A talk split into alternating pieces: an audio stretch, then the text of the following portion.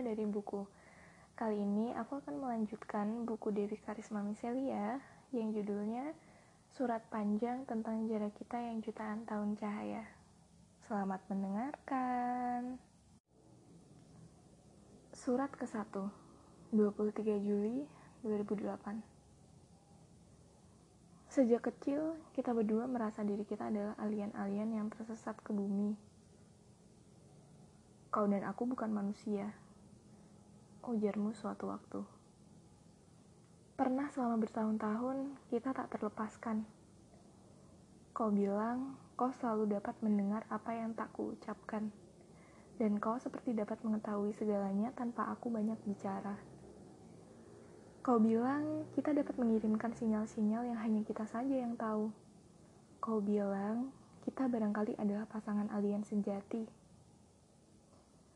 Di bawah pohon beringin besar di pekarangan rumahmu, kita sempat mengaitkan kelingking dan berjanji untuk saling setia. Dan kau kelepasan bicara. Kau mengikrarkan. Kelak, kita juga akan menikah seperti manusia kebanyakan. Aku tak mengoreksinya aku sepakat. Kurasa kita memanglah manusia biasa yang hanya tidak pernah sesuai dengan lingkungan tempat kita tinggal. Aku tak pernah bisa berkawan dengan orang lain lagi. Di sekolah, aku selalu menempel denganmu. Sekian tahun kau menempati bangku di sisiku. Sewaktu kita sangat memuja nilai dan prestasi Tiap tahun kita bertukar posisi menjadi peringkat satu dan peringkat dua di kelas. Apa pun yang kau suka, yang kau kagumi, selera bacaan, makanan, dan tempat persinggahan, kita selalu mengetahuinya tanpa berahasia. Pun ketika kau memulai kebencian-kebencianmu pada dunia dan mendeklarasikan diri sebagai seorang misantrop, dengan berusaha demikian keras menghancurkan hidupmu, aku masih selalu bersedia kau ajak untuk bersama-sama menggagalkan hidup. Aku terlambat menyadari, aku tak akan selamanya bisa bergantung kepadamu. Kita berakhir dengan ketertarikan berbeda, nilai-nilai kita bersilangan pada banyak mata pelajaran. Kemudian, kita tak mengambil jurusan kuliah yang sama, meskipun memutuskan untuk berkuliah di kota yang sama. Kita makin jarang bertemu, karena kau sibuk dengan duniamu. Buku-buku pisisan yang dulu pernah kita baca ternyata tak menipu melalui fase sibuk dengan dunia sendiri. Keadaan semacam itu benar-benar eksis. Padahal, kalau saja kau meminta kehadiranku, aku selalu bisa meluangkan waktu. Sewaktu kuliah, agendaku hanya kuisi dengan berpindah dari gunung ke laut, ke danau, ke candi, ke gua, sambil membuat catatan-catatan kecil. Kau bisa menemuiku di mana pun itu. Aku akan tinggalkan segalanya untukmu. Bila kau memang alien, seharusnya kau bisa menemaniku berkelana mengelilingi dunia. Kita dapat menemukan takdir-takdir yang orang lain enggan jelajahi. Kau bilang, aku kameratmu. Namun, nyatanya aku kemudian berakhir di kursi kamarmu. Tak pernah bersedia aku temui. Kalaupun tidak berada di rumah, kau bekerja dari pukul 8 pagi hingga 5 sore. Bahkan setelah rekan-rekanmu pulang dari tempat kerja, kau betah melembur di gedung 12 lantai itu. Dan kau tiba-tiba menjadi lebih manusia daripada manusia-manusia yang selama ini kita anggap satir. Setiap kali kemudian kita terpaksa bertemu. Kau selalu mengingatkanku untuk beroleh kabar terbaru tentang dunia. Agar sedikitnya aku menyerupaimu. Kau bilang, bacalah surat kabar, dengarkan perkataan orang-orang penting di televisi, percayai pemerintahmu, dan taatlah membayar pajak. Sebagai manusia yang pernah menipu diri dan menganggap dirinya alien, Hingga kini aku masih tak pernah peduli apa kata orang tentang dunia. Karena bagiku, entah bagimu, masa ini pun akan tersilap dan mengabur bersama waktu. Dan Tuan Alien, aku yakin kau pun lebih tahu ketimbang aku tentang pajak-pajak yang larinya bukan ke pemerintah yang dapat kita percaya. Kenyataannya, aku tak tahu mengapa kau menuruti perkataanmu. Setiap hari aku berlangganan lima surat kabar lokal dan nasional. Setiap sekian tahun, aku memperbarui kartu identitas dan tak pernah lupa membayar tagihan yang menggunung banyaknya. Aku baca pembaruan surat kabar. Aku baca pembaruan kabar rekan-rekanku dan berinteraksi dengan mereka bahkan lebih intens. Meskipun aku tak sepenuhnya menikmati kehidupan manusia kebanyakan.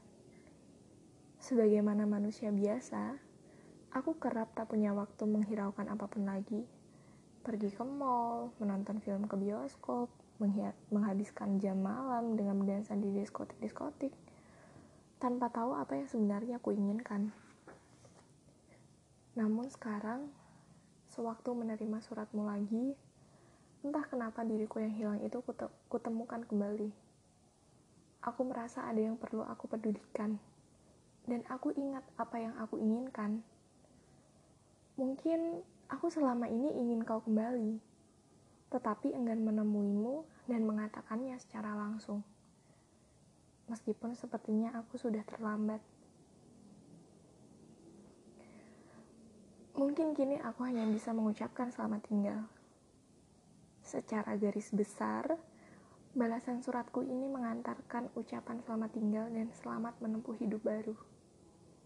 Dan mungkin karena ini adalah surat pertama sekaligus surat terakhirku untukmu, aku akan menuliskannya agak panjang. Seperti sekian tahun lalu pada masa kecil kita, aku selalu menceritakan kepadamu apa pun yang terjadi di kehidupanku. Sebelum kau melupakan kawasan, sebelum kau melupakan kawan masa kecilmu ini untuk selamanya, aku ingin membagi kisah hidupku beberapa tahun belakangan. Saat menerima suratmu pekan lalu, aku sedang membaca tulisanmu di surat kabar Satpam apartemen tiba-tiba mengabariku bahwa tukang pos datang mengantar suratmu, dan ia menungguku di bawah. Teh tawarku seketika itu juga terasa pahit. Hampir saja aku memuntahkan teh di atas kolommu. Aku buru-buru mengganti piyama, berkaus, dan tanpa bra aku berlari ke lobi apartemen. Tukang pos itu lantas berdiri lama di sana, menantiku menandatangani tanda terima. Sementara aku masih baca, sementara aku masih membaca suratmu sampai habis. Kau keterlaluan. Kau selipkan kartu undangan pernikahan dalam surat pertamamu selama puluhan tahun ini. Beserta sebuah bingkisan besar. Untukku, yang isinya hanya kebaya murah yang harus kukenakan menghadiri resepsimu dengan selipan kartu yang berisi tulisan. Datanglah sebagai sahabat kecilku yang manis dengan kebaya ini. Kau benar-benar seolah-olah meledekku yang masih melajang hingga usia 41. Aku bisa membeli kebaya yang lebih mahal kalau kau mau tahu. Aku tak perlu melanjutkan apa-apa yang kurasakan ketika menerima kirimanmu. Bila aku benar-benar meluapkan perasaanku, tukang pos itu mungkin telah kucincang menjadi seribu potong dan ku bekukan di lemari es. Ku masak, lalu ku antarkan ke pestamu. Untung saja ia bernyawa panjang. Pada akhirnya, aku justru menyelipkan selembar 50 ribu rupiah ke sakunya. Ia hanya nyengir. Tak sadar ia, hampir hilang usia. Selamat, karena kau mendapatkan gadis yang cantik. Lulusan magister luar negeri, sastrawan nasional, disukai banyak orang. Dia sangat tepat menjadi pendampingmu. Kau yang juga lulusan luar negeri. Tulisan-tulisan intelektualmu selalu dinanti-nanti. Mana pantas aku mengisi hidupmu lagi. Sewaktu melihat nama calon istrimu, Aku buru-buru mencari tahu segala hal tentangnya melalui internet. mengejutkan, tidak sepertimu yang serba rahasia. Gadismu bahkan menjelmakan romantika kalian menjadi buku cerita. Aku tak pernah bisa melakukan hal semacam itu. Kau tahu, aku tak pernah mampu menunjukkan perasaanku. Selama bertahun-tahun kau pergi, yang kulakukan hanyalah terus-menerus menolak para pria, terkadang juga perempuan, yang datang. Banyak di antara teman lesbianku menyangka aku menunggu seorang perempuan yang dapat kucintai.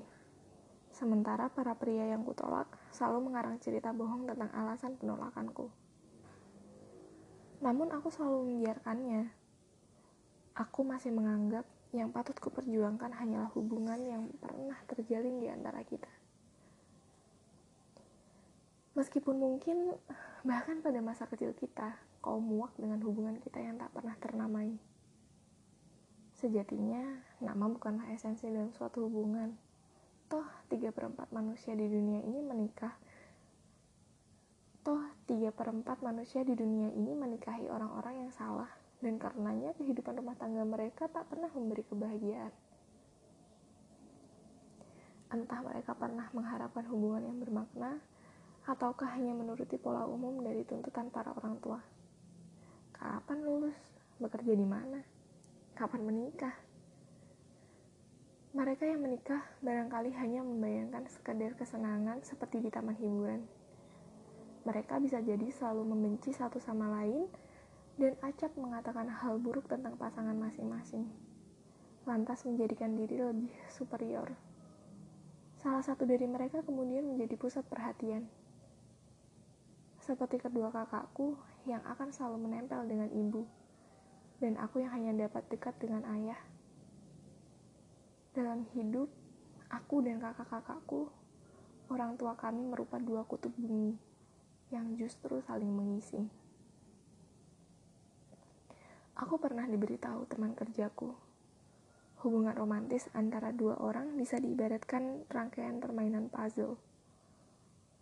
Banyak orang tak pernah menyadari kepingan-kepingan berbeda yang membentuk puzzle yang utuh dan membantu mereka menyelesaikan permainan. Apa mungkin Kau menikahi gadis itu karena kau menemukan perbedaan yang menyerasi semacam itu di antara kalian, dan kau tak menemukannya di dalam diriku. Mungkin saja pemikiran-pemikiran kita memang tak pernah saling menyimpang. Kita selalu ada un untuk satu sama lain. Tinggi kita sepantaran, bentuk fisik kita tak jauh berbeda, warna kulit kita sama-sama mbak sawo matang, retinamu coklat dan aku juga. Bentuk wajah kita pun mirip. Kita saling menyukai musik tontonan dan bacaan yang sama. Dengan segala kesamaan kita aku dan kau justru selalu menganggap kehidupan sebagai semacam labirin dan terlalu suka berkeliling menyesatkan diri namun mungkin ada kesalahan-kesalahan lain yang membentengi kita Mungkin karena kita selalu menganggap persahabatan adalah label yang paling tepat. Karena kita memiliki hubungan darah, sehingga orang-orang di sekeliling kita melarang pernikahan kita. Bahkan mereka merasa was-was terhadap kedekatan kita. Dan karena kita melupakan janji kita di bawah pohon beringin itu. Dulu aku pikir kita berdua tak pernah Dulu aku pikir kita berdua tak akan pernah menikah bila tidak menikahi satu sama lain. Maka begitulah. Seusai pesta topeng pada hari puncak penerimaan mahasiswa baru itu, kita memutuskan untuk pergi dari kehidupan masing-masing. Aku sudah menduga bahwa seumur hidup aku akan melajang dan tinggal di apartemen ini. Seumur hidup pun kau akan melajang dan tinggal di mana pun itu. Dulu aku pikir Bila itu memang benar terjadi, aku mungkin akan mengadopsi lima anak dan memberi mereka nama depan yang kuambil dari lima suku kata namamu. Sekalipun aku pernah bilang kepadamu bahwa aku hanya hendak melahirkan seorang anak. Aku tak tahu bagaimana harus marah dan menunjukkan rasa cemburu. Kau tahu aku tak pernah dapat melakukannya. Di bangku sekolah menengah, aku hanya dapat menatapmu dari kejauhan membiarkanmu pergi menggandeng tangan gadis lain. sementara aku duduk di perpustakaan, menekuri buku. Setelah dengan satu gadis pertamamu itu, kau berkencan dengan sejuta gadis lain. Kau pikat mereka dengan ketampanan dan kejeniusanmu. Dan dengan begitu, aku perlahan berusaha menjauhimu. Selama ini sebenarnya aku hanya menunggumu datang, meminta maaf dan mendengarkan darimu bahwa kau tak akan mengulanginya lagi. Dan kau tak akan meninggalkanku lagi. Kemudian kau akan ada di sisiku untuk selamanya. Bahkan sampai hari ini pun, kau tak pernah melakukannya. Bertahun-tahun kemudian, kau menyelingkuhi bidang-bidang yang kau cintai sambil tetap bercinta dengan gadis-gadismu. Kau berkuliah, kau habiskan waktumu untuk bekerja, dan kau pergi selamanya dari hidupku. Kau bisa menunjukkan bukti bahwa sudah kodrat manusia Allah untuk bertemu banyak orang yang mereka pikir akan tepat menjadi jodoh mereka. Mencintai banyak di antaranya, meniduri beberapa dan menikah salah satunya. Ataupun berpoligami dengan cinta-cintamu yang banyak itu. Kau bahkan dapat mencontohkan hubungan antar hewan yang tak jauh berbeda dari pola itu semuanya tak akan membuatku tertarik. Kalau kau perlu tahu, aku hanya punya satu macam mimpi. Aku ingin tinggal di rumah sederhana dengan satu orang yang benar-benar tepat. Bila memang aku harus mencurahkan seluruh perhatianku kepada satu orang itulah hal itu akan kulakukan. Dan ketika aku harus membagi darahku dan menyatukan dagingku dengannya, aku akan melakukannya dengan satu orang terpilih itu. Aku akan membesarkan anak-anak kami. Hanya kepadanya aku dapat membagi seluruh cerita dan duniaku, memperkenalkan semua orang di hidupku, membiarkan semua hal dalam hidupku menjadi miliknya juga, termasuk kebahagiaan dan kesedihanku. Kau tahu, Kehidupan seperti itu akan menjadi sekelisa apa yang dibacakan pastor di altar pernikahan dalam film-film. Mencintai gadismu sehidup semati. Mencintainya dalam suka maupun duka. Mencintainya selamanya. Berpuluh-puluh tahun lamanya, bahkan sejak kali pertama bertemu, aku telah memilihmu dalam setiap doaku. Sesuatu yang tak pernah kau ketahui bahkan hingga hari ini dan bila kau suruh aku pergi begitu saja, di usia aku yang lebih dari 40 ini, aku mungkin telah terlambat untuk mencarimu.